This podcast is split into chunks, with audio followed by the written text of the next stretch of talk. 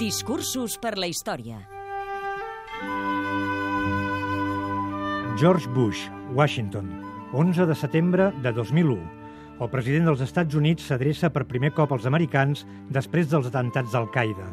Comença dient Avui els nostres conciutadans, la nostra forma de vida, la nostra llibertat, han estat atacats en una sèrie d'actes terroristes deliberats i mortals. Les víctimes estaven en avions o a les seves oficines secretàries, homes i dones de negocis, militars i treballadors federals, mares i pares, amics i veïns. Milers de vides han acabat de cop per uns actes malvats i menyspreables de terror. Our way of life, our very freedom came under attack in a series of deliberate and deadly terrorist acts. The victims were in airplanes or in their offices. Secretaries, businessmen and women military and federal workers, moms and dads, friends and neighbors. Thousands of lives were suddenly ended by evil, despicable acts of terror. The pictures of airplanes flying into buildings... Els atemptats de l'11S als Estats Units van provocar gairebé 3.000 víctimes mortals. Els Estats Units van respondre amb una retallada de les llibertats individuals a l'interior del país i amb dues guerres a fora, la d'Iraq i la d'Afganistan. Es calcula que tots dos conflictes han provocat més d'un milió de morts, la majoria civils.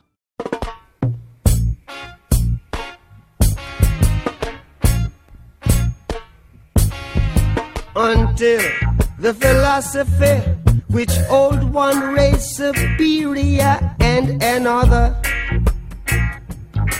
inferior is finally and permanently discredited and abandoned. Everywhere is war. Miss a war. That until they're no longer first class and second class citizens of any nation.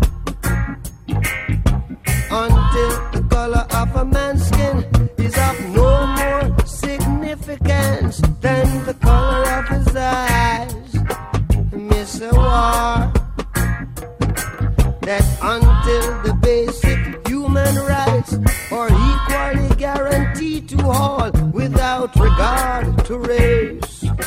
It is a war that until that day, the dream of lasting peace,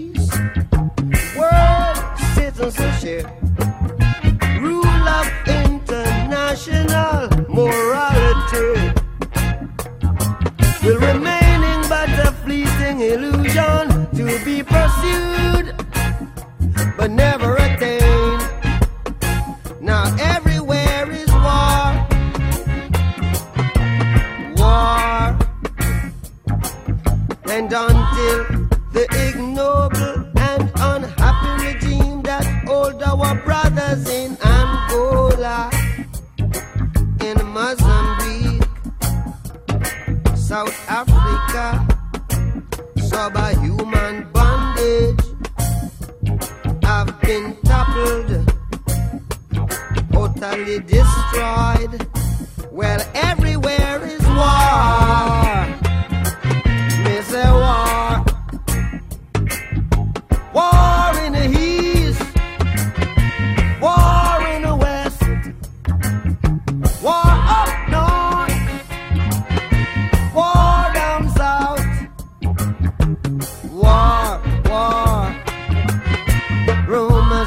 far. And until that day, the African continent will not know peace. We Africans will fight, we find it necessary.